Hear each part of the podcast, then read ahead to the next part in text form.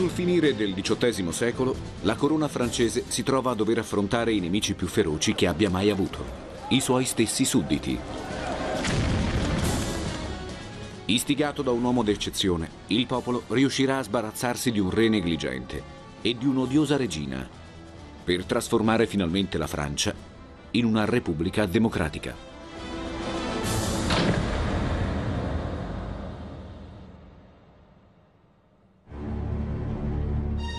1794. Prigione della Conciergerie. Una fortezza impenetrabile, situata sulle rive della Senna a Parigi. Umida e infestata dai topi, essa è nota come l'anticamera della morte. Tra poco la voce del popolo si ammutolirà per sempre.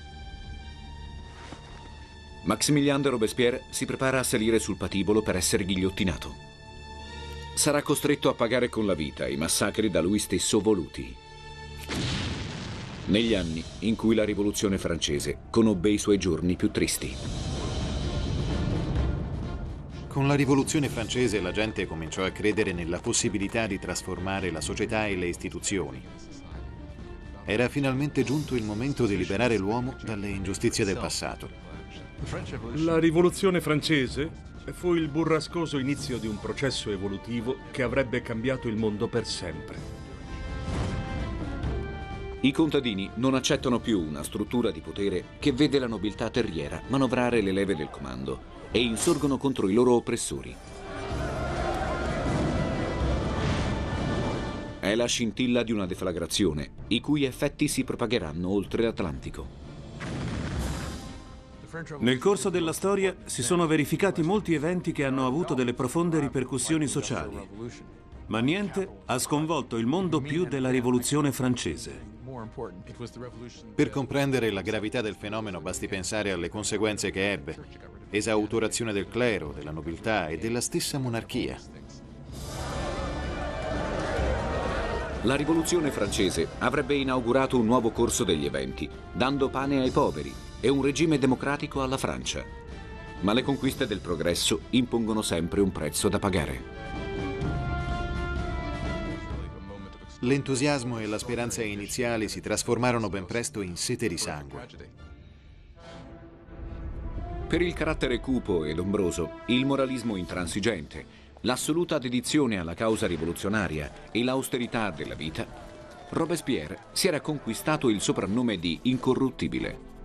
Il suo ascendente sulle masse era talmente forte che gli bastava un breve discorso per mobilitare un'intera città.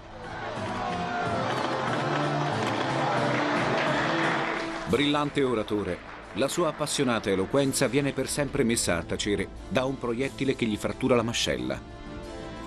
Dopo aver fatto decapitare tutti gli oppositori del governo rivoluzionario, adesso è Robespierre a dover salire sul patibolo.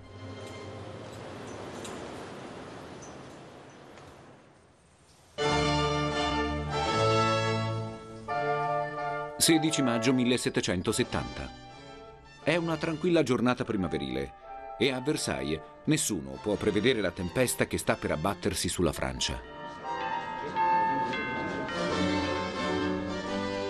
Il castello ha aperto le porte a tutti gli esponenti della nobiltà addorata che gravita intorno alla corte reale.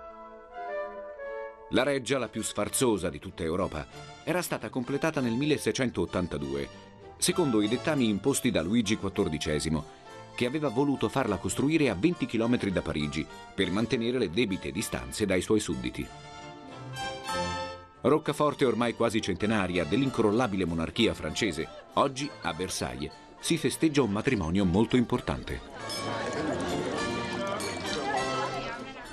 Il principe Luigi Capet, nipote di Luigi XV e diretto ascendente al trono, sta per convolare a nozze.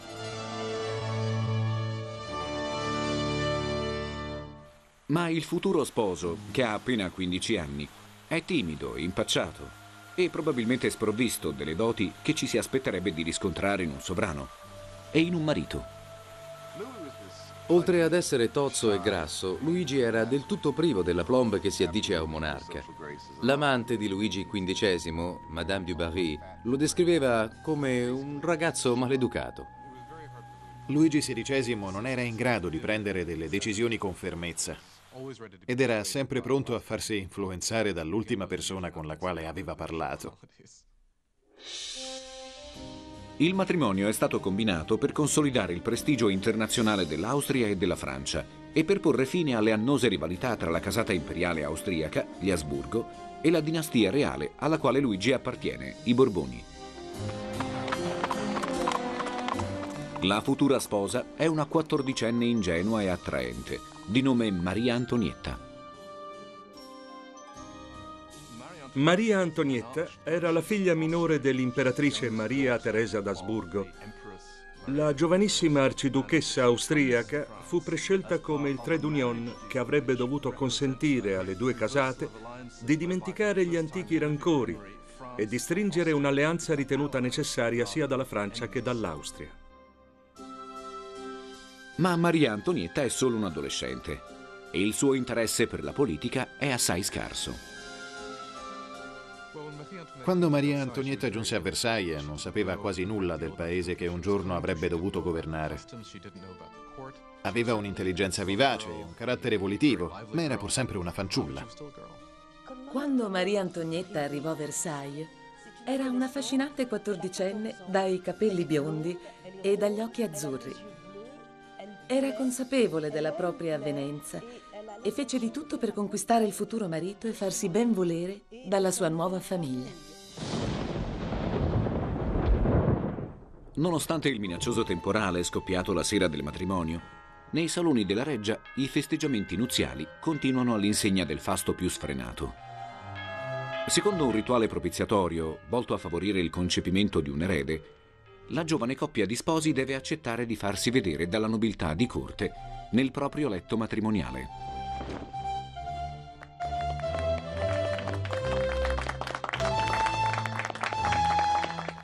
I cortigiani assistono deliziati allo spettacolo, ma non sanno che l'agognato erede si farà attendere per molto tempo. Luigi non era interessato né al trono né alla moglie, che non degnò della benché minima attenzione neanche la prima notte di nozze. Ci vorranno degli anni prima che il matrimonio venga finalmente consumato. Ma la mancanza di prole dà adito a pettegolezzi che continueranno per anni a ledere l'immagine della regale coppia. I festeggiamenti nuziali si protraggono per giorni e giorni, mentre nelle campagne la moltitudine dei contadini è ridotta allo stremo a causa della pressione fiscale e dei diritti feudali esercitati dall'aristocrazia. Nel 1763 Luigi XV aveva perso la guerra dei sette anni, combattendo contro l'Inghilterra per la conquista dell'America settentrionale.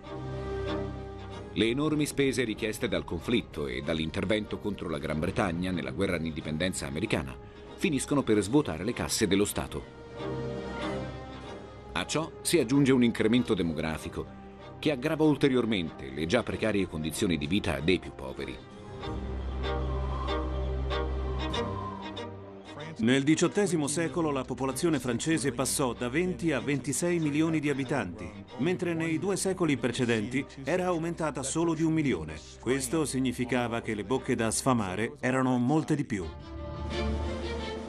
Nel 1774 Luigi XV viene colpito dal vaiolo. Resosi impopolare con una politica volta a tutelare il parassitismo della nobiltà terriera, egli muore lasciando la Francia nel caos. Con una sontuosa cerimonia di incoronazione, il principe Luigi viene incoronato re di Francia, col nome di Luigi XVI.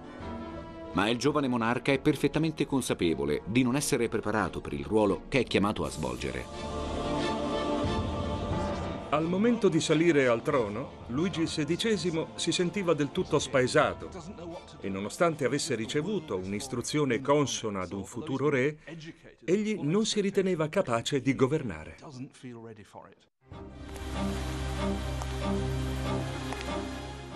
Appena ventenne, Luigi XVI è l'uomo meno adatto a guidare una nazione completamente dissestata. Nelle sue preghiere, egli si rivolge a Dio dicendo Aiutami, Signore, io sono troppo giovane. Nell'atmosfera ovattata degli appartamenti reali, Luigi e Maria Antonietta si abbandonano ai lussi della vita di corte, mentre a soli 20 km di distanza assume contorni sempre più definiti un nuovo ordine di idee, improntato alla demolizione dell'assolutismo monarchico. È l'inizio di una nuova era, l'era dell'illuminismo.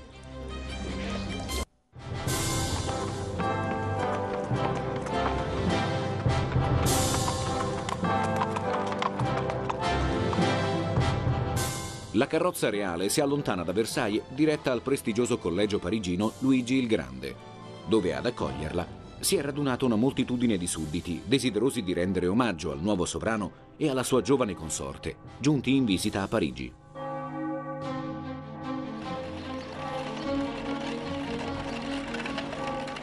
In testa al corteo di benvenuto c'è uno dei più brillanti allievi dell'istituto, Maximilien de Robespierre.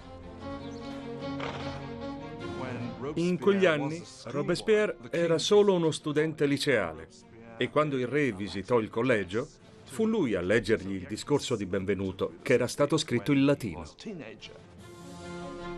Il sovrano, annoiato, presta poca attenzione alle parole del ragazzo. Tuttavia, negli anni a venire, i loro destini si sarebbero incrociati in circostanze più drammatiche. Si trattava di un rituale che aveva luogo presso ogni scuola, ma in quel caso l'ironia della sorte volle che Robespierre rendesse omaggio all'uomo che poi avrebbe fatto morire. Ma per il momento il sovrano è accolto con benevolenza. La visita dei reali ha conquistato i cuori dei sudditi, ma nelle loro menti si fa strada una sempre maggior consapevolezza sociale. Sin dal Medioevo la società europea era divisa in tre classi stabilite per nascita. Un abisso separava la ricchezza della nobiltà e del clero dalla povertà delle masse popolari, del tutto escluse dalla vita politica della Francia. Nel corso del secolo la scienza e la ragione lanciano la sfida all'ordine tradizionale. Parigi diventa il centro propulsore di una corrente culturale che arriva a teorizzare il potere diretto del popolo e sfocia in un razionalismo caustico e aspramente critico nei confronti del passato. L'illuminismo. L'illuminismo invita a non obbedire più passivamente all'autorità precostituita e a contrapporre il criterio della verifica razionale ad ogni affermazione di potere.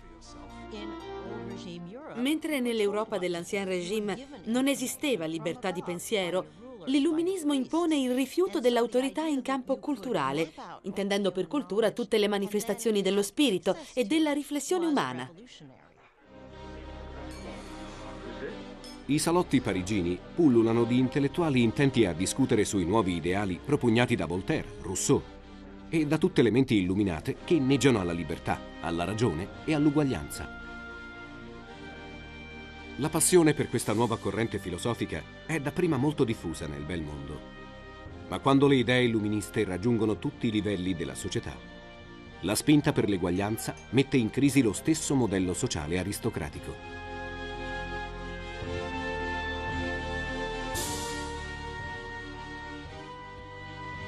La nobiltà, economicamente inattiva e dedita alla molle vita di corte, si era ridotta ad una presenza sociale del tutto parassitaria, finendo per estraniarsi completamente dalla vita della nazione. Era quindi inevitabile che se ne mettessero in discussione i privilegi. Le idee illuministiche si propagano fino alle colonie inglesi del Nord America, dove gli insorti stanno combattendo per conquistare l'indipendenza dalla Gran Bretagna. Per vendicare la sconfitta subita da suo nonno, Luigi XVI si schiera dalla loro parte. Per l'intervento militare il re stanzia ben 2 miliardi di sterline francesi, una somma sufficiente a nutrire per un anno 7 milioni di affamati e ad aggravare ulteriormente il disavanzo finanziario. Il debito contratto dalla corona francese per intervenire a fianco degli indipendentisti americani finisce per infliggere il colpo di grazia ad una situazione finanziaria resa già grave dalle spese sostenute per le precedenti guerre e dai privilegi fiscali concessi ai nobili. Ma a depauperare l'erario non è soltanto il denaro investito nelle campagne militari. A Versailles la vita di corte è un susseguirsi di lussuosi cerimoniali che scandiscono ogni momento della giornata. Il risveglio mattutino, la vestizione, i pasti e il prepararsi per la notte. Per rendere meno tedioso il formalismo ripetitivo di questi rituali, Maria Antonietta inventa mode sempre più stravaganti.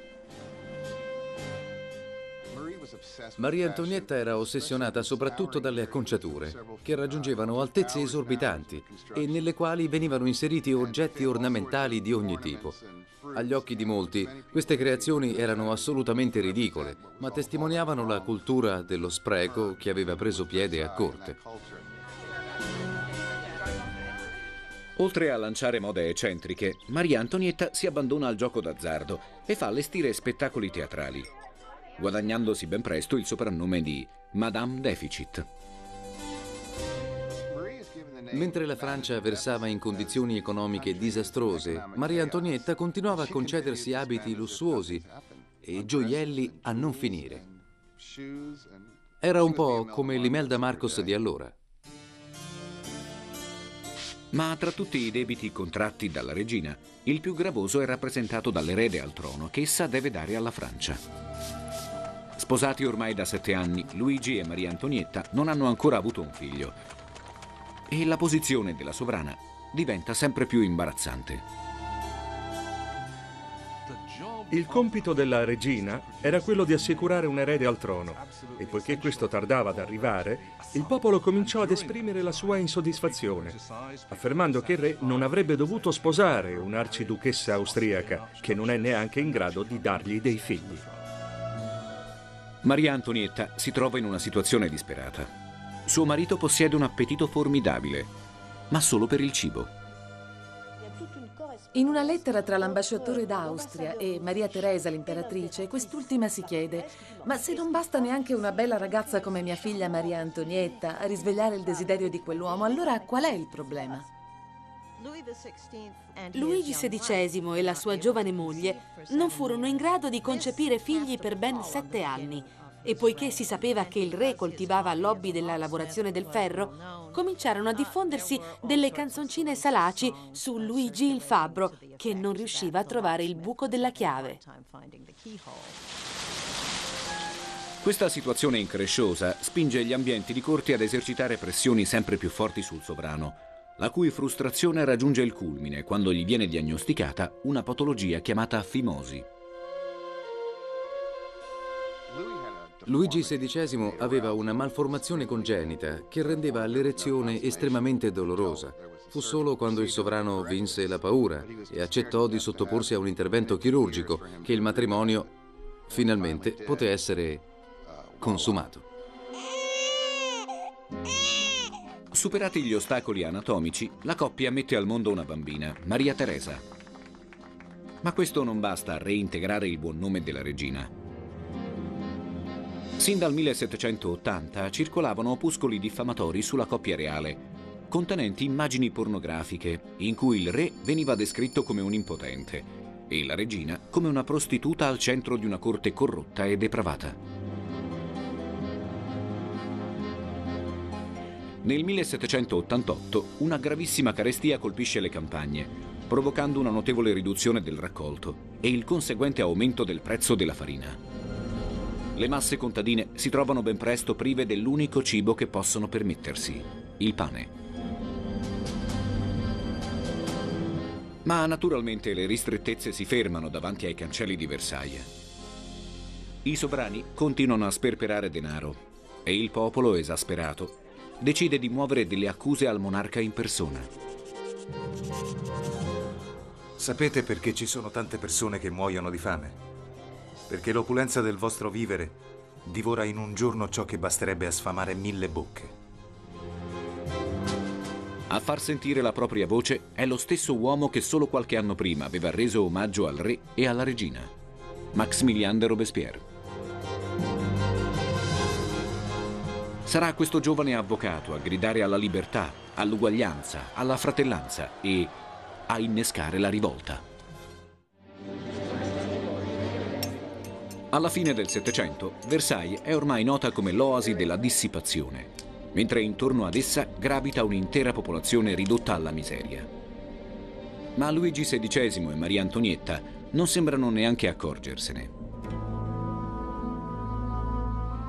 Per superare la grave crisi finanziaria, il sovrano decide di aumentare la pressione fiscale, ma le masse, soprattutto quelle rurali, non sono più in grado di sostenere nuovi tributi.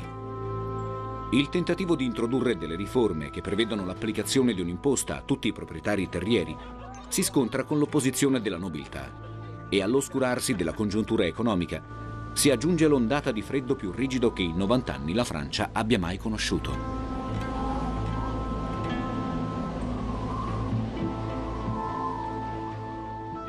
La carestia verificatasi tra l'estate del 1788 e la primavera del 1789 fece sentire i suoi effetti sia nelle campagne che nelle città. Il raccolto fu pessimo ed il prezzo del pane non tardò ad aumentare, provocando disordini dappertutto. Per la maggior parte della popolazione francese del XVIII secolo, il pane è l'unica fonte di sostentamento. A quell'epoca i francesi appartenenti ai ceti meno agiati consumavano quasi un chilo di pane al giorno, l'unico tipo di cibo che erano in grado di comprare. Ben presto la carestia e la folle politica fiscale voluta da Luigi XVI portano il prezzo della farina alle stelle. Crisi economica e mobilitazione ideologica si uniscono nell'animo popolare, in una miscela esplosiva. In tutta la Francia scoppiano tumulti. Le case vengono saccheggiate. Le panetterie assaltate. E i negozianti sospettati di nascondere scorte di pane sono linciati a sangue da una popolazione accecata dalla rabbia e dalla fame. Per evitare la bancarotta, Luigi XVI è costretto ad avvalersi della collaborazione di Jacques Necker, un uomo molto più gradito al popolo di quanto non lo sia il sovrano.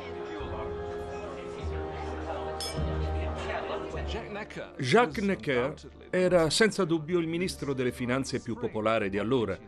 Egli era infatti convinto che il carico fiscale dovesse essere ripartito più equamente e che il dovere del governo fosse quello di garantire che l'intera popolazione avesse pane a sufficienza. Ma i notabili chiamati a ratificare il progetto di riforma fiscale presentato da Necker vi si oppongono e chiedono la convocazione degli stati generali che non venivano più riuniti da 175 anni.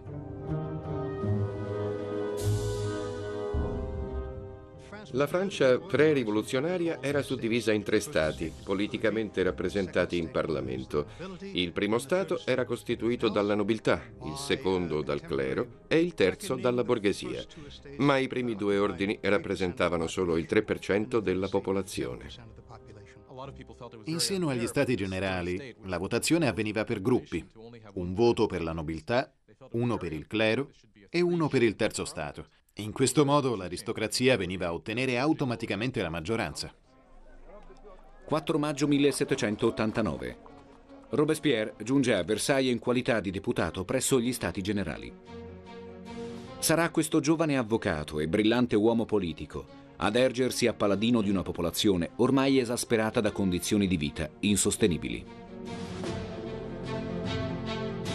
Rimasto privo dei genitori fin dall'infanzia, Robespierre riesce ugualmente a frequentare i collegi degli oratoriani di Arras e Parigi e a laurearsi in legge alla Sorbona.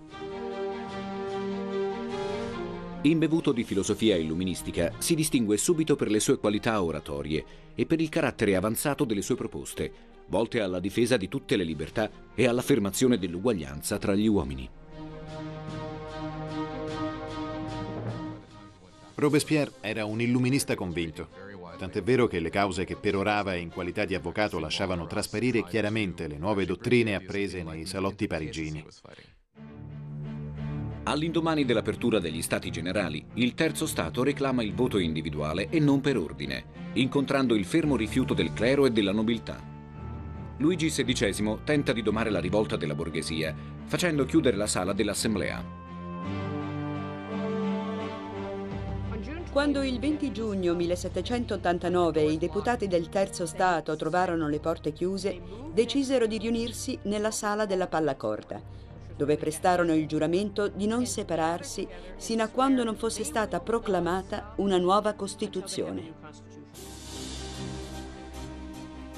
Ormai convinti di esprimere gli interessi della nazione, i rappresentanti del Terzo Stato si proclamano Assemblea Nazionale. Il giuramento della pallacorda è uno dei momenti più significativi di tutta la storia della Rivoluzione francese. Il Terzo Stato si riunì in una specie di campo da tennis coperto, resistendo ai ripetuti inviti del re a ricongiungersi agli altri due ordini. Alla fine fu il sovrano a dover cedere.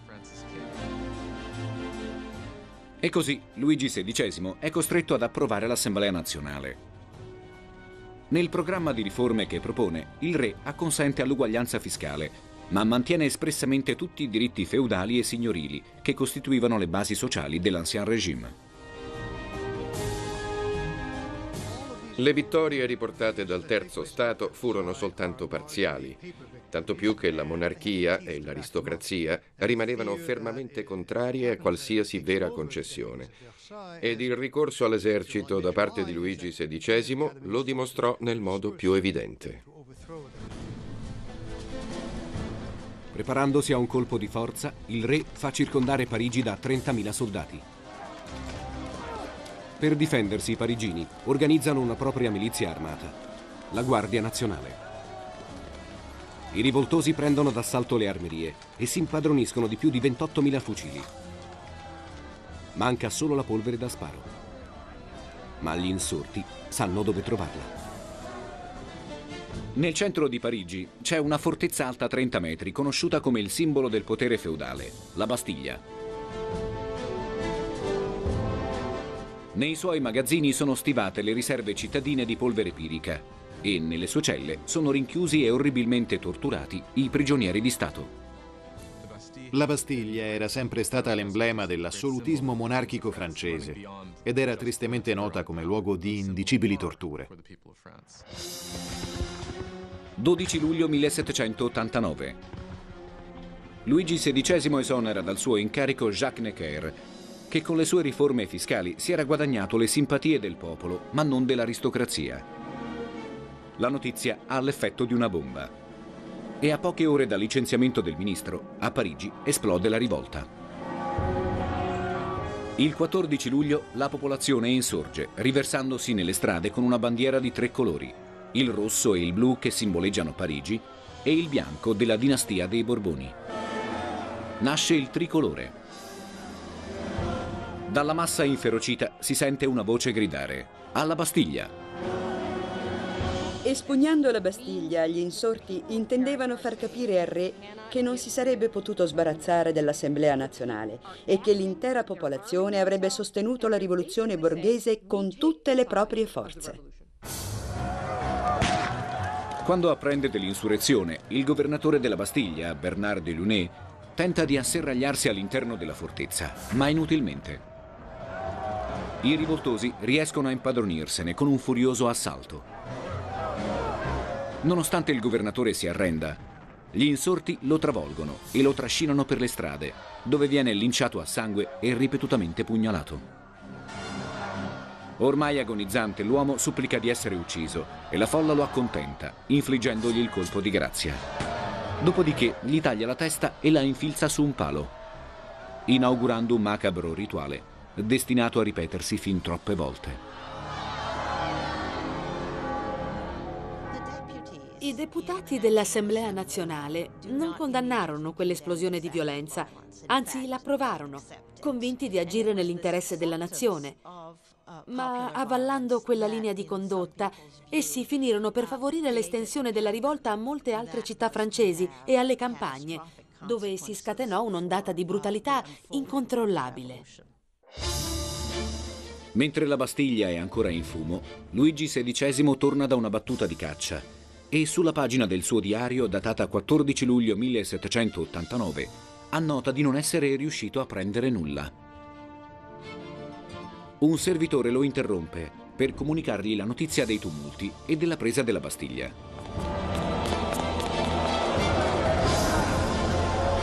Il re gli domanda, è una rivolta? No, sire, gli risponde il servitore, è una rivoluzione.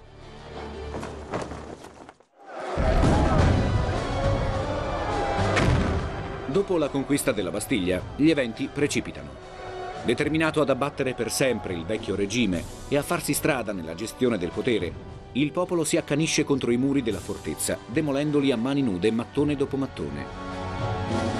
Distruggendo quella roccaforte, si vuole cancellare il passato. Ormai è il punto del non ritorno.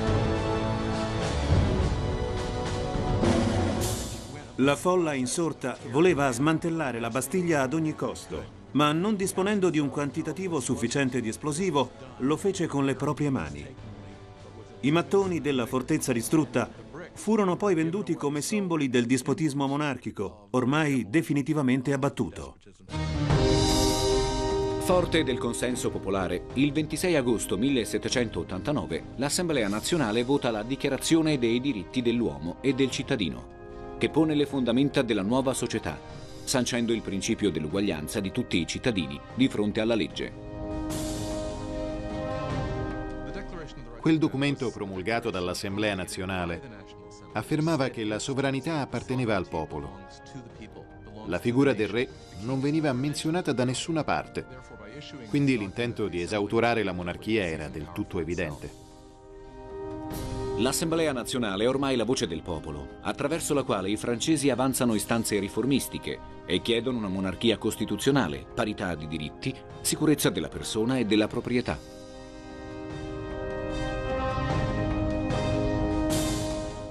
Robespierre rivendica anche maggiore libertà per la stampa, che era rimasta imbavagliata dai censori dell'Ancien Régime.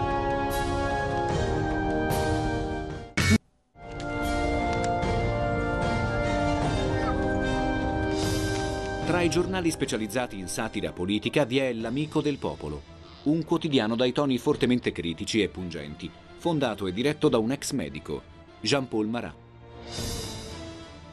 Dopo una carriera professionale infruttuosa, Marat si trova a vivere nell'indigenza e a dover trovare riparo nelle fogne di Parigi, dove contrae una malattia della pelle che lo obbliga a isolarsi e a sottoporsi a bagni curativi.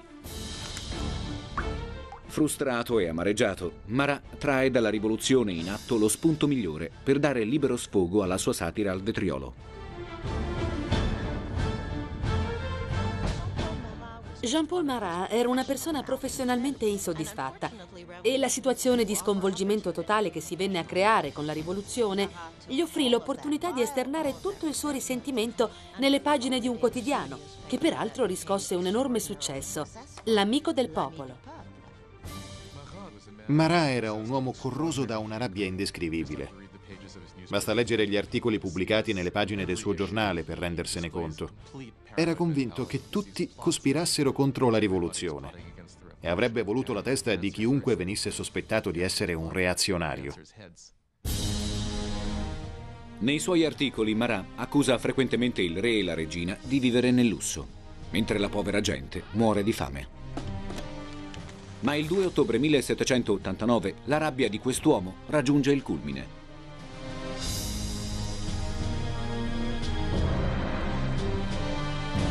A Parigi si sparge la voce che nel corso di un ricevimento a Versailles la coppia reale avrebbe gettato a terra e calpestato la bandiera tricolore, simbolo della rivoluzione. Marat, furibondo, fa pubblicare la notizia sul suo giornale. Nel frattempo il re prepara un nuovo colpo di mano e fa ammassare le sue truppe intorno a Parigi. Mentre il ricordo della Bastiglia è ancora vivo nelle menti dei francesi insorti, Marat esorta la cittadinanza a passare all'azione. Popolo di Parigi, è arrivato il momento di reagire! Uscite dal vostro torpore! Svegliatevi! Svegliatevi! Il 5 ottobre 1789 una moltitudine di donne si raduna nei pressi del municipio di Parigi per protestare contro il carovita. La paura di dover affrontare le truppe reali si alterna allo sdegno per l'oltraggio commesso contro il tricolore. Vinte dall'esasperazione, esse si mettono in marcia alla volta di Versailles, armate di forche e di fucili. Il grosso della folla era costituito dalle famose pescivendole dei mercati generali, donne dai modi molto truci che si distinguevano per la loro corporatura robusta e la loro sfrontatezza. Oltre ad essere molto muscolose, esse erano munite di grossi coltelli che utilizzavano per squamare il pesce. Quando il prezzo del pane aumentò a dismisura, queste donne, già poverissime, si resero conto che se non avessero fatto qualcosa, avrebbero rischiato di morire di fame. Ed è straordinario notare come delle popolane, probabilmente analfabete, si siano trovate a diventare le protagoniste di un momento storico importantissimo. La leggenda narra che apprendendo la notizia della folla affamata in marcia verso il castello, la regina avrebbe pronunciato le famose parole che in realtà ella non disse mai. Maria Antonietta non disse mai non hanno pane, che mangino dei croissant. Questa è soltanto una leggenda. Probabilmente la regina non ebbe neanche la possibilità di rendersi conto dell'indigenza dei suoi sudditi. Mentre le donne si assembrano davanti ai cancelli della reggia, Luigi capisce finalmente di non poter più ignorare le richieste dei rivoluzionari e accetta di firmare la dichiarazione dei diritti dell'uomo. Intanto la folla continua ad accorrere sempre più numerosa e l'indomani ben 20.000 persone si trovano accalcate nei viali di Versailles. La folla chiede che il re e la regina si trasferiscano a Parigi e, titubante come sempre, Luigi esita a rispondere ma il suo silenzio non fa altro che alimentare la furia del popolo e mettere a repentaglio la vita della famiglia reale.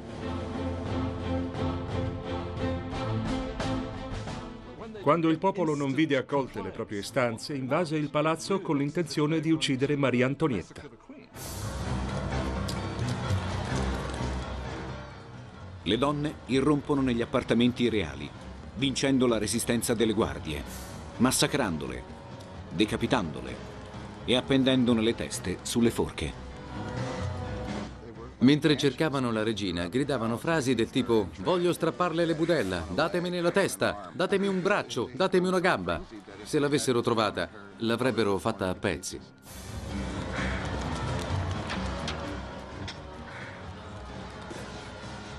Spaventata a morte, Maria Antonietta si precipita nella stanza del marito pochi secondi prima che le donne raggiungano la sua camera e riducono il letto a brandelli. Il re e la regina sono ormai alla mercé del popolo, che chiedeva solo un po' più di attenzione ai propri bisogni. Quella moltitudine inferocita si sarebbe calmata solo se i reali avessero abbandonato Versailles e si fossero stabiliti a Parigi, dove non avrebbero più potuto ignorare i propri sudditi. E così un corteo di 60.000 persone scorta i sovrani da Versailles a Parigi, portando con sé carri riempiti di farina trafugata dai magazzini reali. Quando il re e la regina si trasferirono a Parigi, furono costretti a viaggiare su una carrozza davanti alla quale sfilavano le teste delle guardie decapitate dalla folla che aveva preso d'assalto il castello. Prima di essere infilzate sulle forche, quelle teste erano state addirittura truccate e questo dimostra che il popolo era talmente accecato dall'odio da abbandonarsi agli atti più efferati. Il re e la regina sono obbligati a risiedere al palazzo delle Tuileries.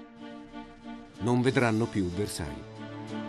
Il trasferimento a Parigi sconvolse totalmente la vita dei sovrani da quel momento in poi, infatti, essi non poterono più agire liberamente e divennero prigionieri dei loro stessi sudditi.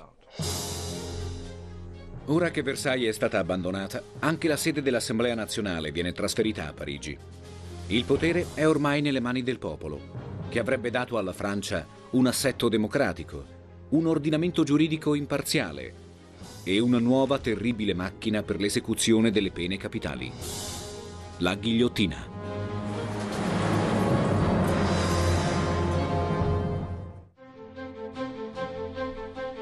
Maggio 1792. Sono passati due anni dal trasferimento a Parigi della famiglia reale e dell'Assemblea nazionale. Robespierre, nel frattempo, è diventato presidente del Club dei Giacobini, un gruppo politico che deve il suo nome al monastero dei frati giacobini, dove inizialmente si riunivano i suoi membri. Nel tumulto degli eventi, i comizi si fanno via via più accesi e Robespierre, sempre attento alle esigenze delle masse popolari, promuove una campagna a favore del suffragio universale.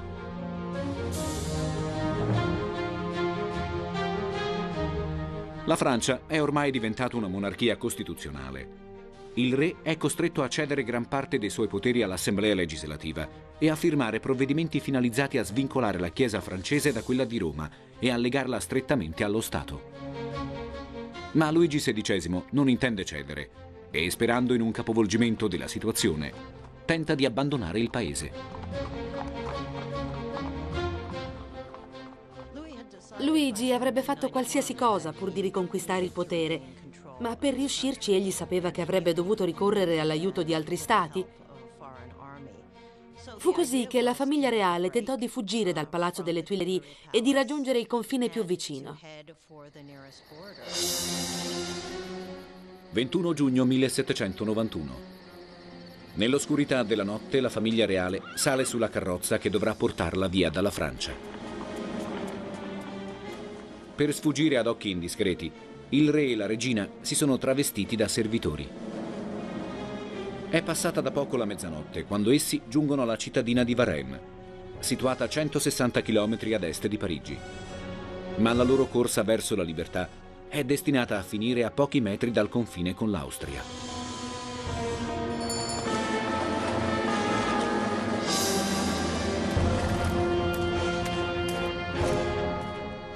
All'insaputa dei sovrani, le voci sulla loro fuga si erano diffuse prima ancora della loro partenza.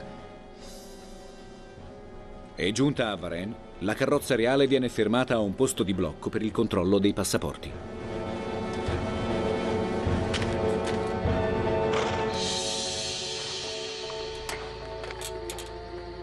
I sospetti del gendarme vengono presto confermati. La firma presente sul documento è proprio quella di Luigi XVI.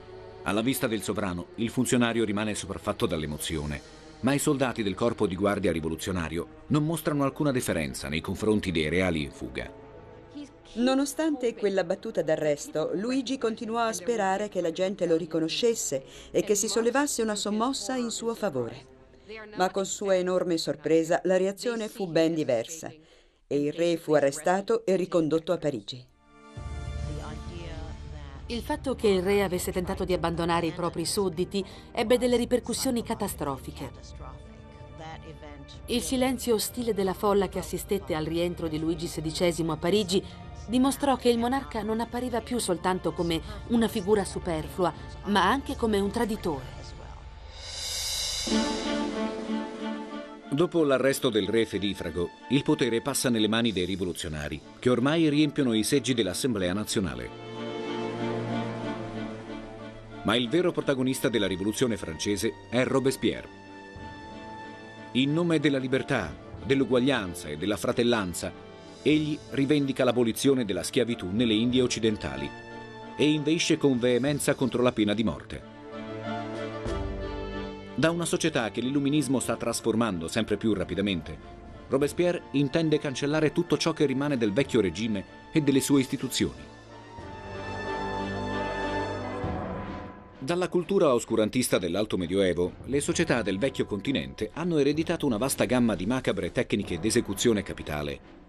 Squartamento, annegamento, impiccagione, rogo. Durante l'Ancien Régime i condannati a morte venivano uccisi nei modi più barbari e la decapitazione era riservata ai nobili. Uno dei primi cambiamenti che il governo rivoluzionario volle introdurre fu proprio una pena di morte che fosse uguale per tutti. Nonostante l'opposizione di Robespierre, un nuovo strumento di morte viene collocato nel centro di Parigi. La nuova invenzione è opera di Joseph Ignace Guillotin, un medico che vuole fare della decapitazione una morte più rapida e meno dolorosa. È il dottor Guillotin stesso a descrivere all'Assemblea nazionale il funzionamento della sua macchina. La lama precipita come una saetta. La testa viene recisa con un colpo solo e la morte è istantanea.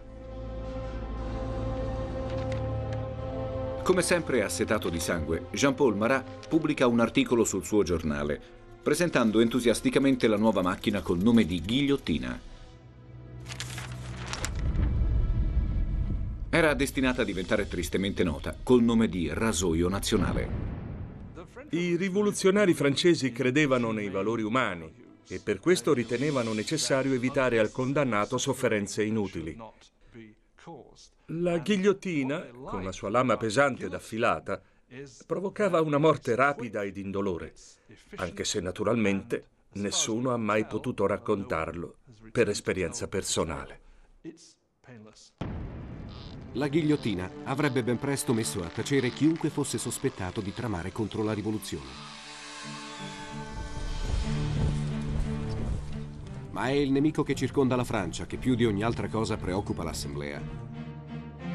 Si diffonde il timore che i nobili fuggiti all'estero possano organizzare nuove armate per sconfiggere la Francia rivoluzionaria e restaurare la monarchia. L'Assemblea è orientata per una guerra preventiva contro l'Austria ma Robespierre è contrario. Robespierre e i giacobini erano convinti che la Francia avrebbe perso. Ma mentre una sconfitta era esattamente ciò che auspicavano il re e gli ambienti di corte, Robespierre temeva che l'eventuale vittoria del nemico avrebbe finito per schiacciare il movimento rivoluzionario. Ma Robespierre si trova in netta minoranza e nell'aprile del 1792 l'Assemblea nazionale dichiara guerra all'Austria, governata dai parenti di Maria Antonietta. Da questo momento la rivoluzione subirà una svolta essenziale. Se l'Austria dovesse sconfiggere l'esercito rivoluzionario, Luigi riconquisterebbe il trono.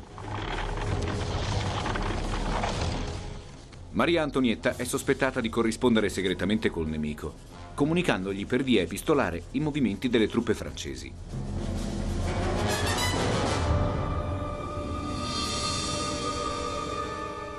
Nel frattempo, il re e la regina fingono di aver abbracciato la causa rivoluzionaria. Luigi XVI e Maria Antonietta facevano il doppio gioco. Apparentemente sostenevano i rivoluzionari, ma di nascosto cospiravano contro di loro. È ovvio che i sovrani stavano solo cercando di tutelarsi ma agli occhi dei ribelli questo non era altro che tradimento. I primi rovesci militari contro la coalizione austro-prussiana, nei quali la monarchia aveva riposto le sue speranze, ne affrettano invece la rovina.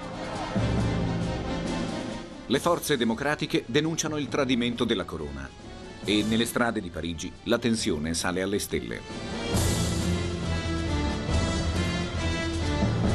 Quando poi il comandante delle truppe prussiane, il duca di Brunswick, emette un manifesto nel quale minaccia la distruzione di Parigi qualora fosse stata recata la minima offesa alla famiglia reale, l'odio popolare esplode.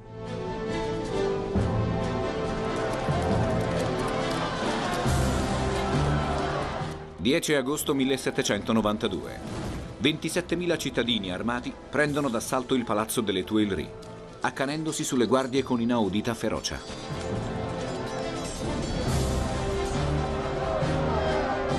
Alla fine dello scontro, il suolo è ricoperto da più di 800 cadaveri. Il re è costretto a cercare scampo presso l'Assemblea legislativa, che dichiara decaduta la monarchia e proclama la Repubblica, una e indivisibile. La ghigliottina viene inaugurata con la decapitazione delle guardie reali sopravvissute all'assalto. Robespierre, una volta fortemente avverso alla pena di morte, ha riveduto la sua posizione. Voterà la condanna di Luigi XVI alla pena capitale, affermando che la nascita di una nuova repubblica può avvenire solo con la morte di un monarca. La presenza della ghigliottina nel centro di Parigi sembra un minaccioso avvertimento per chi volesse sfidare il governo rivoluzionario. Presto il re andrà incontro alla stessa sorte toccata alle sue guardie e la sua testa cadrà sotto la lama della nuova macchina della morte. Ora che il re è stato deposto, Robespierre e i Giacobini devono affrontare le forze moderate dell'Assemblea, i Girondini, ostili a ogni cedimento alle rivendicazioni popolari in materia economica. Nel frattempo nasce un nuovo movimento politico. I suoi militanti si distinguono in quanto privi dei calzoni fermati sotto il ginocchio indossati dagli esponenti dell'aristocrazia. Essi si definiscono appunto i sanculotti, cioè quelli senza culotto. I sanculotti erano per lo più artisti, negozianti e artigiani che si guadagnavano da vivere con il proprio lavoro. Si rifiutavano di indossare i calzoni corti o culotte, poiché li consideravano uno status symbol della nobiltà, dalla quale volevano distinguersi in quanto fieri di appartenere al popolo. Mentre i sanculotti assumono il controllo della municipalità parigina, i giacobini e i girondini governano il resto del paese dagli spalti della Convenzione, l'ex Assemblea nazionale. Intanto l'esercito francese è impegnato ad arrestare l'avanzata austro-prussiana. Sul fronte interno, il governo rivoluzionario ricorre a metodi drastici contro chiunque cerchi di consegnare Parigi nelle mani degli invasori vengono arrestate e imprigionate più di mille persone, tra cui preti, giornalisti e donne. Per qualche tempo l'alleanza tra governo giacobino e masse popolari si mantiene salda. Ma a un certo punto Robespierre viene a trovarsi combattuto da un'opposizione di sinistra, capitanata da Georges Danton, un uomo destinato a diventare famoso in tutta Parigi. Nonostante fosse un bevitore incallito ed un intraprendente seduttore, Georges Danton aveva una personalità carismatica ed una dialettica passionale con cui calamitava i suoi ascoltatori. Egli si identificava nella classe operaia molto più di quanto non facesse Robespierre. Danton esorta gli uomini di ogni età a unirsi all'esercito impegnato al fronte contro l'invasore straniero. Mentre le truppe austro-prussiane invadevano la Francia, Danton si rivolgeva al popolo di Parigi urlando Audacia, audacia e ancora audacia, la patria è salva. Egli contribuì concretamente a salvare il paese dagli eserciti.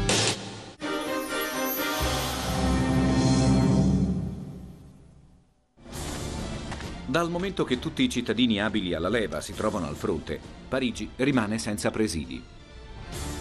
Le sue carceri non sono più in grado di contenere i prigionieri politici e, temendo che la situazione possa sfuggire di mano, Marat istiga i rivoluzionari ad assaltare le prigioni e a massacrare tutti i detenuti.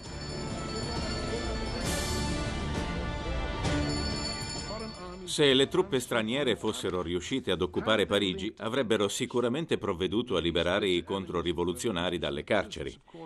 Era dunque normale che la popolazione fosse spaventata a morte.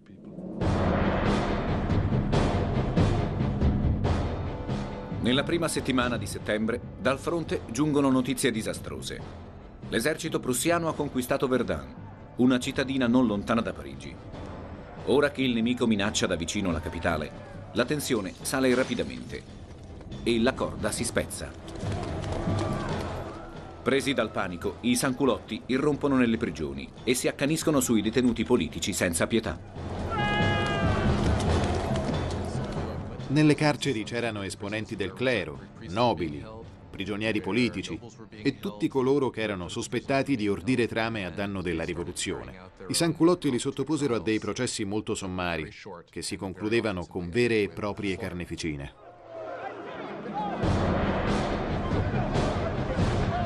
Le donne vengono stuprate e mutilate, i preti sventrati, gli aristocratici fatti a pezzi, nel giro di pochi giorni più di 1600 persone muoiono orribilmente, vittime della furia omicida dei rivoluzionari.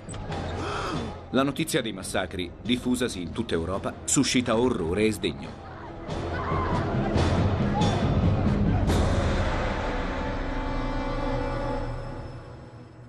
Così si esprime un giornalista del London Times.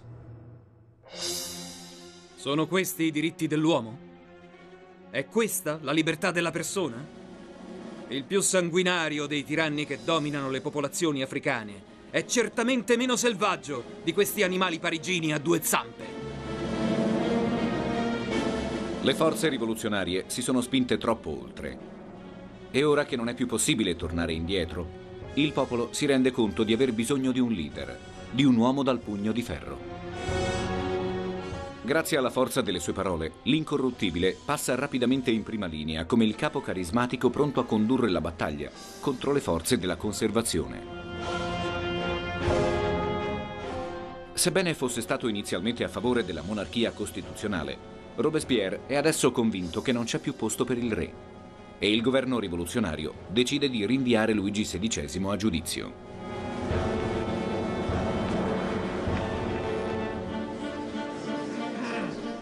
Quando giunge il momento di votare la condanna a morte del re, i girondini tentano di salvare il monarca con l'appello al popolo e il contrasto con i giacobini diventa insanabile. Nonostante i girondini fossero dei fermi sostenitori della Repubblica, essi non erano affatto convinti della necessità di far salire il re sul patibolo. Tuttavia i giacobini la spuntano con una piccola maggioranza. I giacobini vollero la morte di Luigi XVI poiché la rivoluzione doveva cancellare ogni traccia del passato e il re rappresentava tutto ciò che la Francia post-rivoluzionaria avrebbe dovuto dimenticare. La monarchia non aveva saputo identificarsi con le esigenze delle masse popolari, le cui aspirazioni ad un miglior tenore di vita erano state sempre ignorate. Luigi XVI inoltre aveva tradito la patria, un'infamia che agli occhi del popolo poteva essere lavata solo con il sangue. 20 gennaio 1793. Luigi XVI viene dichiarato colpevole. Il verdetto è la pena capitale. Il re deve morire. Quella stessa sera il re si intrattiene brevemente con i suoi familiari. Davanti alle loro lacrime promette che l'indomani mattina tornerà da loro per l'ultimo addio. Ma non potendo sopportare la vista di quegli sguardi addolorati, Luigi mancherà all'appuntamento.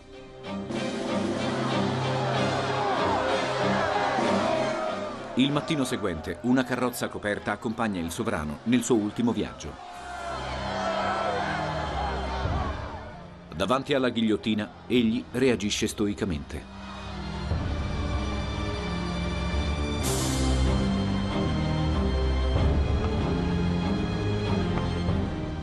Luigi XVI pronuncia le sue ultime parole.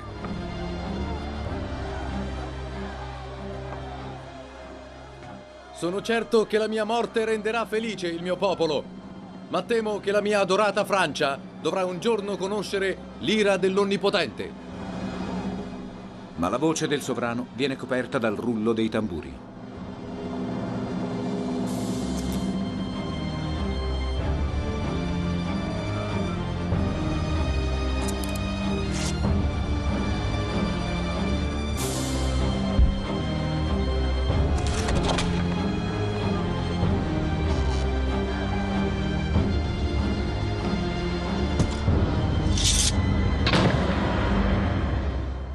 Alle 10.22 la testa del sovrano viene esibita al popolo. Dalla prigione in cui è segregata, Maria Antonietta ode i cannoni annunciare la morte di suo marito ed è colta da malore.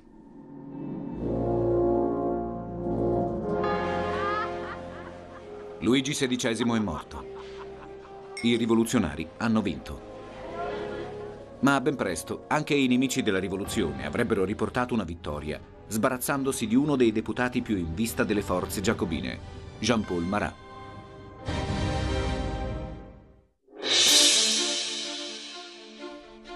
La nuova Repubblica viene battezzata con il sangue dell'ultimo re di Francia. Ma dopo la morte del sovrano si acuisce il contrasto tra le forze democratiche e i rivoluzionari più moderati.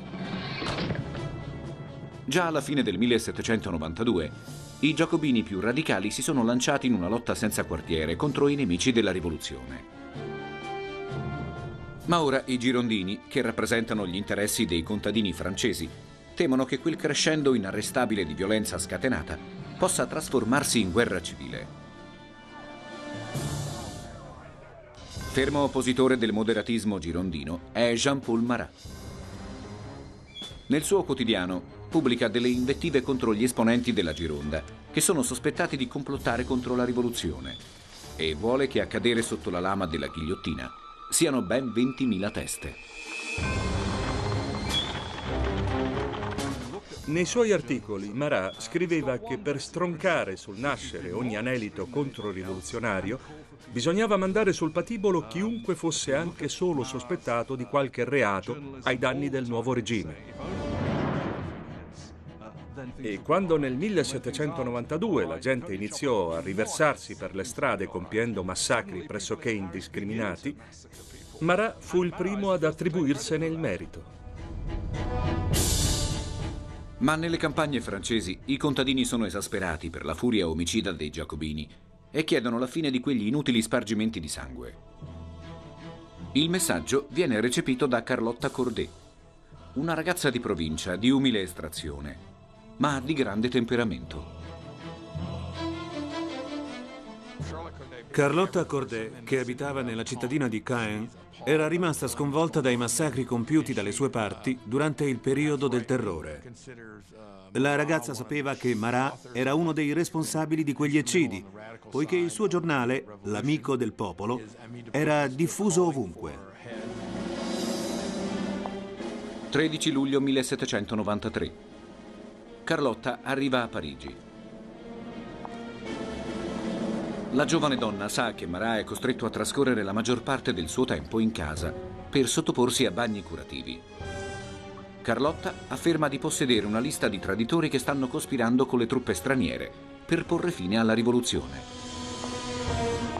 L'uomo chiede alla ragazza di consegnarle quella lista, promettendole che l'indomani i nemici della patria sarebbero stati ghigliottinati.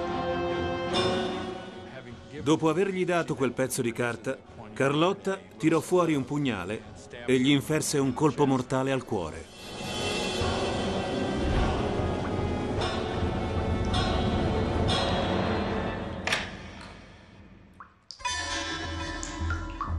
Insieme a Jean-Paul Marat viene messo a tacere per sempre anche il suo caustico giornale, L'Amico del Popolo.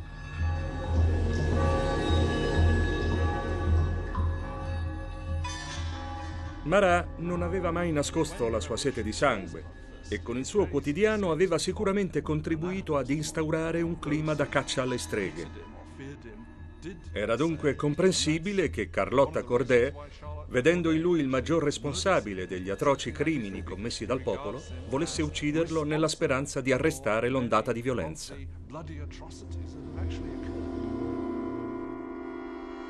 Carlotta non tenta neanche di scappare e in tribunale non appare affatto pentita. Che cosa vi aspettavate di ottenere assassinando Marat? La pace. Ora che è morto, la pace tornerà a regnare nel mio paese. Carlotta viene giustiziata immediatamente e con lei muore il suo sogno di pace per la Francia. Ha ucciso un sobillatore, ma senza saperlo ha creato una leggenda. Marat diventa subito un mito e un famoso pittore dell'epoca, Jacques-Louis David, ne ritrae la morte. Marat divenne quasi un martire, al quale la gente rivolgeva preghiere del tipo Cuore di Gesù e Cuore di Marat. Ai suoi funerali la vasca da bagno nella quale era stato pugnalato venne addirittura collocata sull'altare come un crocifisso. Osservando il dipinto della morte di Marat eseguito da David, si può notare facilmente che il suo corpo è avvolto da un drappeggio molto simile a quello che copre il corpo di Cristo in molte rappresentazioni della pietà o della discesa dalla croce. È evidente quindi l'intenzione di identificare Marat con Gesù Cristo e di farne una figura immortale da venerare come una divinità.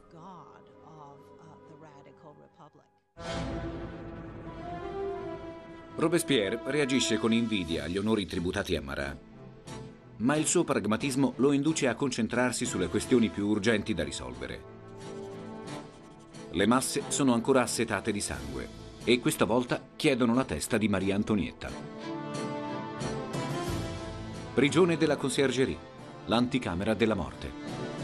Otto mesi dopo la decapitazione di Luigi XVI e a pochi giorni di distanza dall'esecuzione di Carlotta Corday, Maria Antonietta attende di conoscere il suo destino, isolata in una cella.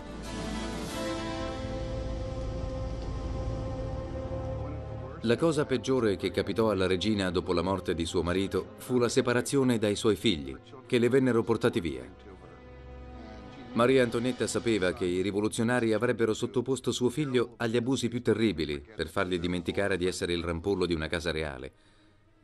E infatti, nel giro di due anni, il ragazzo morì per gli stenti e le violenze subite. Nonostante Maria Antonietta abbia solo 38 anni, appare notevolmente invecchiata. Maria Antonietta era stata una donna molto attraente ed elegante, ma a partire dal 1789 iniziò a dimagrire rapidamente. I capelli divennero bianchi, il viso emaciato e dal suo abbigliamento scomparve ogni forma di civetteria. Quando si presentò in aula per il processo era irriconoscibile. Al processo del 15 ottobre, l'ex regina di Francia viene accusata di alto tradimento e di aver dilapidato il patrimonio statale. Ma la lista dei capi di imputazione non finisce qui. Maria Antonietta viene anche accusata di incesto con suo figlio. A questa infamia la donna reagisce energicamente. Mi appello alla coscienza di ogni madre presente in aula. Chi tra tutte voi non proverebbe orrore al solo pensiero di una tale aberrazione? Quelle parole bastarono a placare l'odio delle donne presenti al processo, le quali compresero che con quelle calunnie l'accusa si era spinta decisamente troppo oltre. Maria Antonietta si illude che quell'impeto di solidarietà nei suoi confronti basti a risparmiarle la vita. Spera di essere deportata in Austria, ma la lettura della sentenza di morte infrange le sue speranze. In un certo senso Maria Antonietta era predestinata al fallimento. L'alleanza tra l'Austria e la Francia si era rivelata disastrosa. L'apparente impotenza del marito l'aveva resa oggetto di derisione. Ma soprattutto essa era vista come la dissipatrice che aveva ridotto la popolazione allo stremo.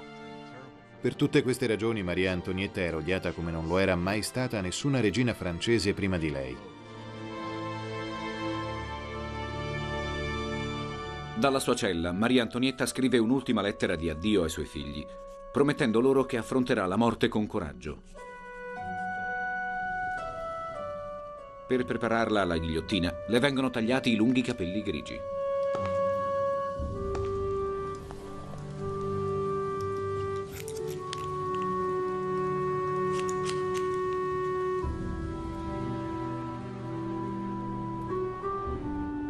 Con le mani legate da una corda, la regina viene accompagnata fuori dalla prigione, dove ad attenderla non c'è una carrozza reale, ma una carretta per il trasporto dei condannati a morte. Maria Antonietta sperava che le venisse riservato lo stesso trattamento di favore concesso a suo marito, quello di essere condotta al patibolo in una carrozza coperta. Ma purtroppo non fu così, e la folla si accanì su di lei ricoprendola di insulti e di minacce.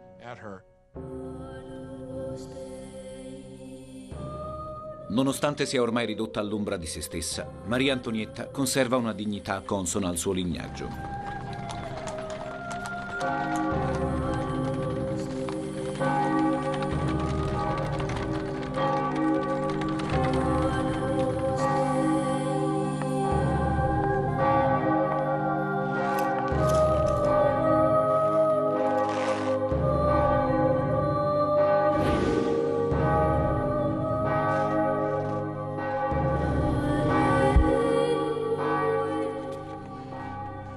Dell'esecuzione le vengono letti i capi d'accusa.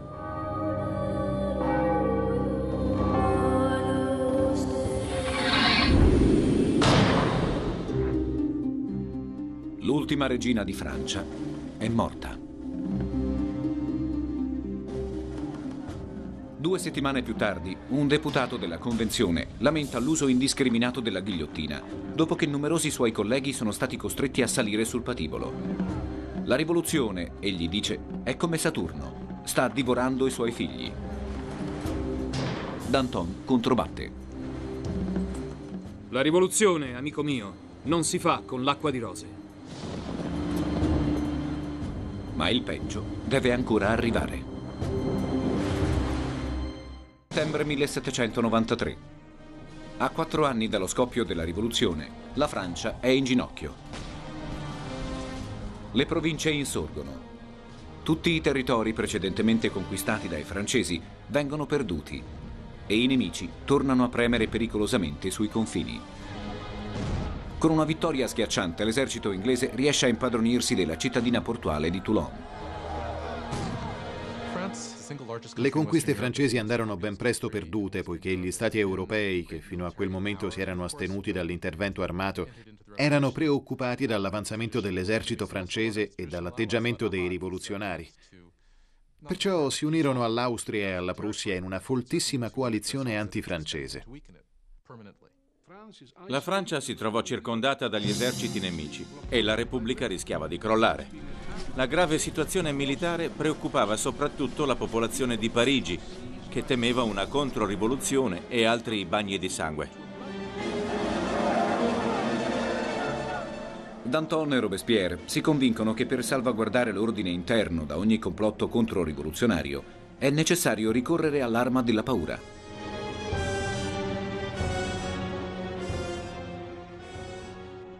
È ora che i cittadini francesi godano dell'uguaglianza sociale tanto faticosamente conquistata.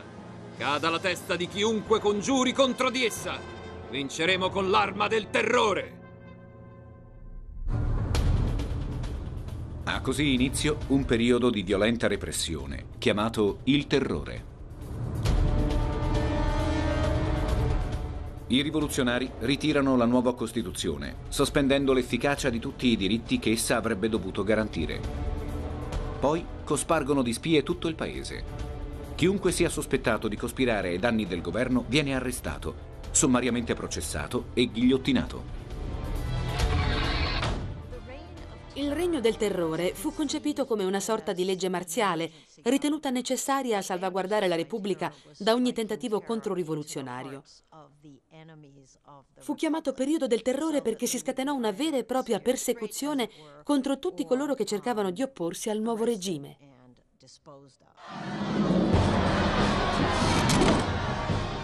Oramai basta il più vago sospetto per mandare sul patibolo chiunque. Politici che pronuncino anche una sola parola sull'ormai defunta monarchia e qualunque persona usi i titoli Messier e Madame al posto dell'appellativo cittadino introdotto con l'instaurazione della Repubblica.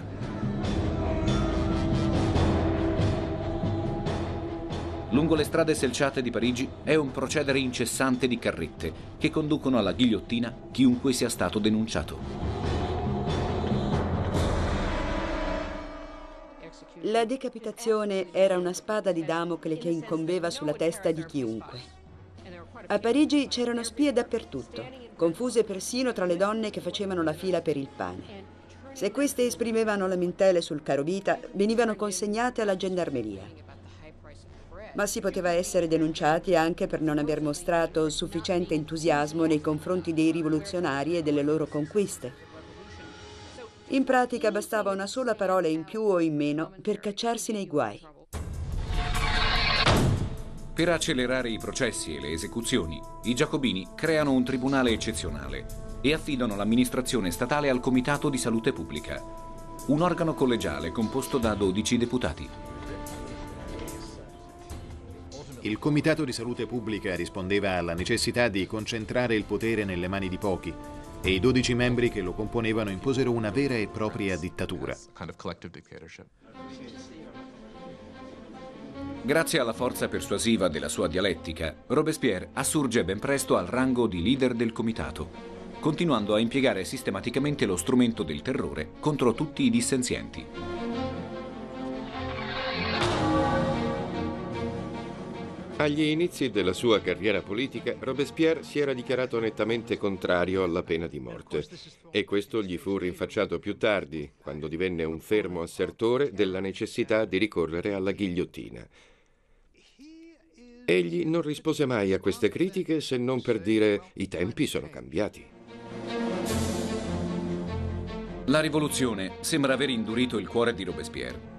Ex sostenitore della libertà di stampa, è lui stesso a reintrodurre la censura, ormai un vecchio ricordo del passato. Intanto, uno dei capi del movimento radicale, Jacques René Hébert, propone una violenta campagna per l'abolizione del cristianesimo.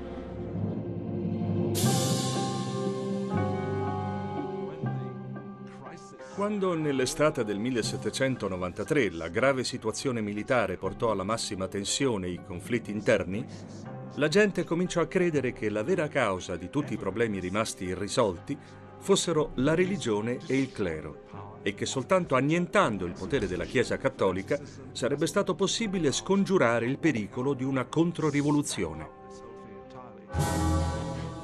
Le strade intitolate ai santi vengono rinominate. Le immagini sacre distrutte e sostituite con forme di devozione al nuovo santo nazionale, Marat. Le chiese vennero spogliate dei loro altari, le statue distrutte, le vetrate infrante. I beni ecclesiastici furono dichiarati patrimonio nazionale. Questo violento anticlericalismo scioccò l'opinione pubblica molto più di quanto non avesse fatto la decapitazione del re. Neanche il calendario cristiano viene risparmiato. Gli anni non vengono più contati a partire dalla nascita di Cristo, ma dal 21 settembre 1792, data coincidente con l'instaurazione della Repubblica. I mesi sono rinominati a seconda dei cicli stagionali. Luglio diventa Termidoro, aprile Fiorile e così via. E vengono suddivisi in tre decadi. L'introduzione delle settimane di dieci giorni mirava a eliminare la domenica e a sostituire le cerimonie tradizionali con le feste decadarie e con il culto delle virtù repubblicane. Il clima di terrore si diffonde in tutta la Francia e nelle province ribelli cadono le teste di chi azzarda tentativi reazionari. Nella città di Lione, dove i controrivoluzionari stanno rapidamente guadagnando terreno, il Comitato di Salute Pubblica ordina l'esecuzione in massa di centinaia di ribelli, che vengono condotti nei campi e fucilati.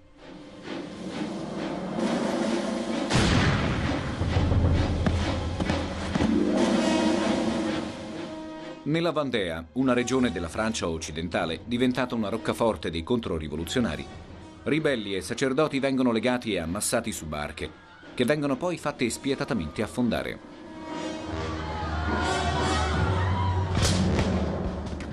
La repressione dei moti vandeani costa la vita a ben 100.000 persone, mentre a Parigi la ghigliottina continua freneticamente a far cadere teste.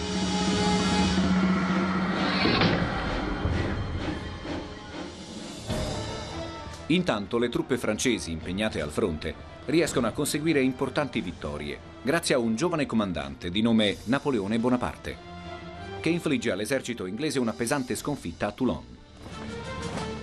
Questi successi militari accrescono il prestigio di Robespierre, che inasprendo il regime di terrore spera di dare nuova forza alla rivoluzione.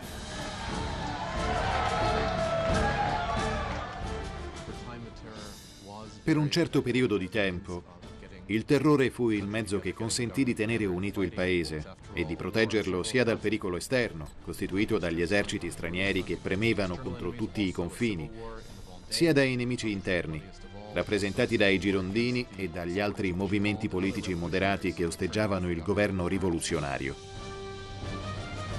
Nonostante l'inasprimento delle misure repressive abbia sortito gli effetti sperati, L'ondata di terrore si arresterà solo dopo aver travolto colui che l'ha scatenata, Maximilien de Robespierre. Gli immensi sforzi del governo rivoluzionario hanno dato i loro frutti. E ora che l'avanzata nemica è stata arrestata e che tutti i moti insurrezionali sono stati domati, Robespierre inaugura una politica diretta a combattere la corruzione e il vizio, facendo appello all'austerità dei veri rivoluzionari. Il suo sogno è di creare un nuovo tipo di società, la Repubblica della Virtù. Secondo Robespierre, il cittadino virtuoso non era quello che si limitava ad obbedire passivamente alla legge, bensì colui che partecipava attivamente alla vita dello Stato, lottando in prima persona contro tutti i nemici della rivoluzione. Il 5 febbraio 1794 Robespierre descrive la sua filosofia con cocenti parole. Il terrore senza virtù sarebbe disastroso, ma la virtù senza terrore sarebbe inutile. Robespierre era convinto che per vincere la corruzione e trasformare gli uomini in cittadini esemplari fosse necessario utilizzare l'arma della paura. Ma non tutti la pensano così. Secondo Danton, la rivoluzione si sta incanalando nella direzione sbagliata. Ritiene che sia giunto il momento di porre fine al regime di terrore introdotto dai giacobini e di adottare misure di sicurezza meno drastiche.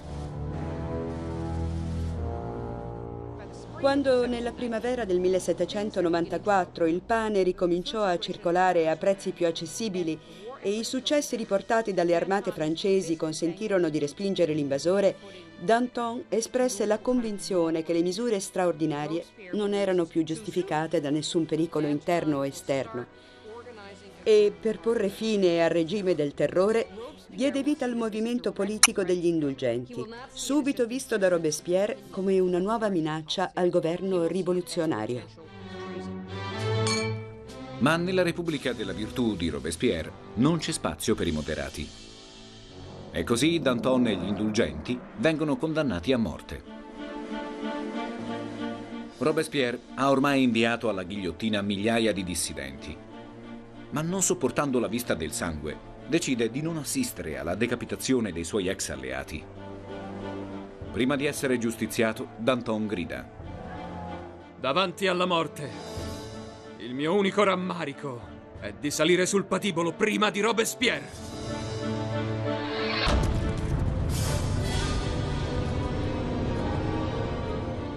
Da questo momento il terrorismo subisce una brusca accelerazione. Ha inizio il periodo del grande terrore.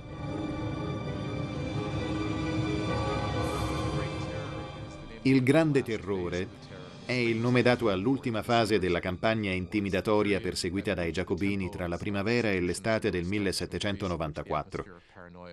Nell'arco di tempo di un mese e mezzo, nella sola Parigi si contarono 1376 esecuzioni capitali, più che nei 12 mesi precedenti.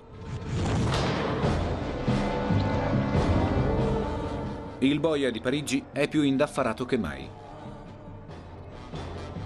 Ma il 6 giugno 1794 non si ode il tradizionale rullo di tamburi che precede le decapitazioni. È il giorno dell'inaugurazione del culto dell'essere supremo, una nuova forma di devozione religiosa alla dea della ragione introdotta da Robespierre in sostituzione alle tradizionali cerimonie cattoliche.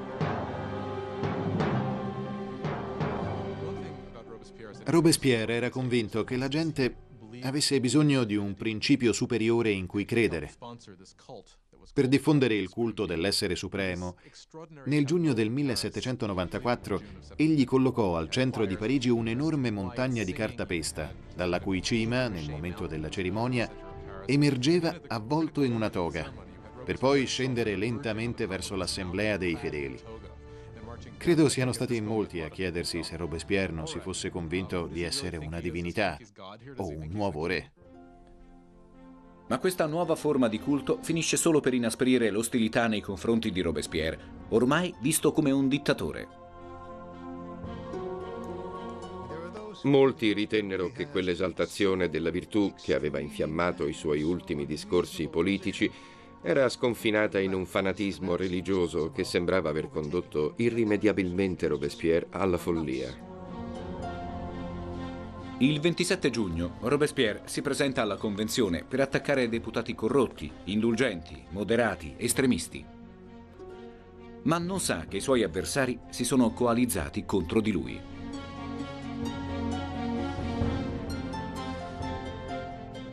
Robespierre affermò di avere una nuova lista di nemici della Repubblica, ma non la consegnò ai suoi colleghi, che temendo di essere su quella lista il giorno dopo lo fecero arrestare senza neanche dargli il tempo di consegnare quei nomi. Forti dell'alleanza appena stretta, le opposizioni di destra e di sinistra sferrano l'attacco decisivo. Robespierre viene prima dichiarato fuori legge, poi espulso dalla convenzione e trasferito, insieme ai suoi più diretti collaboratori, all'Hôtel de Ville, dove rimane sotto sorveglianza per tutta la notte. Il mattino dopo le guardie sentono dei colpi di pistola e si precipitano al secondo piano. Aperta la porta, si trovano davanti a una scena raccapricciante. Uno degli alleati di Robespierre si è gettato dalla finestra, un altro si è appena sparato, mentre Robespierre viene trovato semisvenuto con un proiettile nella mascella, dopo un apparente tentativo di suicidio.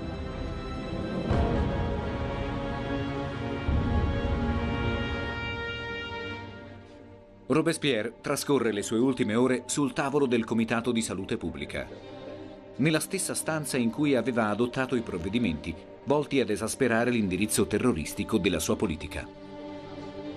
I suoi ex colleghi lo insultano e lo deridono, ma Robespierre non è in grado di difendersi. Il grande oratore di un tempo è stato ridotto al silenzio per sempre. Vinci la rivoluzione con History Channel e vola a Parigi a festeggiare l'anniversario della rivoluzione francese. Rinchiuso nel carcere della conciergerie, Robespierre attende di salire sul patibolo. Il suo compagno di cella, il rivoluzionario Saint-Just, punta il dito verso un quadro che raffigura la dichiarazione dei diritti e gli dice almeno in questo abbiamo vinto. Robespierre ha guidato una rivoluzione che ha dato un nuovo volto alla Francia ma per trasformarla nella Repubblica Democratica, che aveva sempre sognato, ha commesso l'errore di ricorrere a metodi tirannici e sanguinari, che alla fine si sono ritorti contro di lui. Il desiderio di porre fine al terrore era diffuso ormai da tempo, ma nessuno sapeva come raggiungere questo obiettivo. Si pensò allora di risolvere il problema alla radice eliminando direttamente Robespierre. Il 27 luglio 1794 la lama della ghigliottina fa cadere la testa dell'incorruttibile e l'ondata di terrore che ha sconvolto la Francia viene finalmente arginata. La nuova fase che si apre con la condanna a morte di Robespierre è contrassegnata dal graduale smantellamento del governo rivoluzionario e dal rientro della rivoluzione nel suo alveo borghese. Inizia così un periodo di incertezza in cui la Francia si vede paralizzata dalla paura che l'assolutismo monarchico, tanto faticosamente debellato, possa tornare ad affermarsi.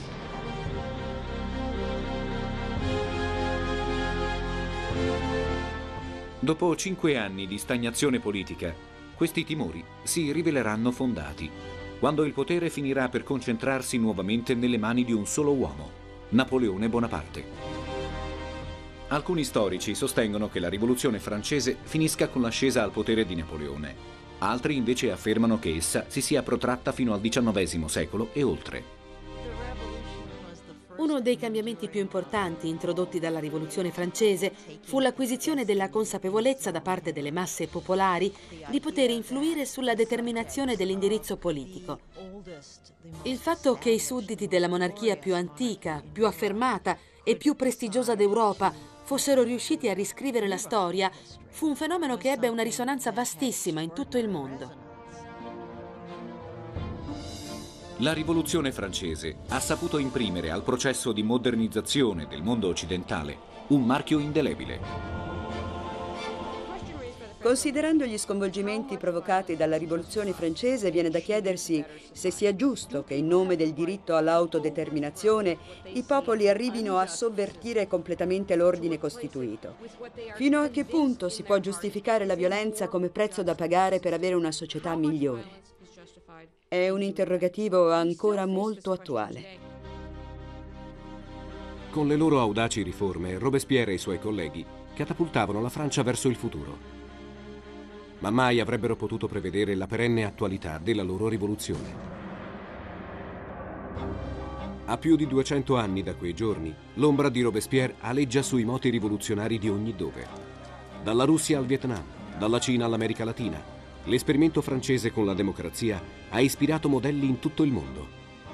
Ovunque la dittatura soffochi i diritti dell'uomo, il grido di battaglia sarà sempre libertà, uguaglianza, fraternità.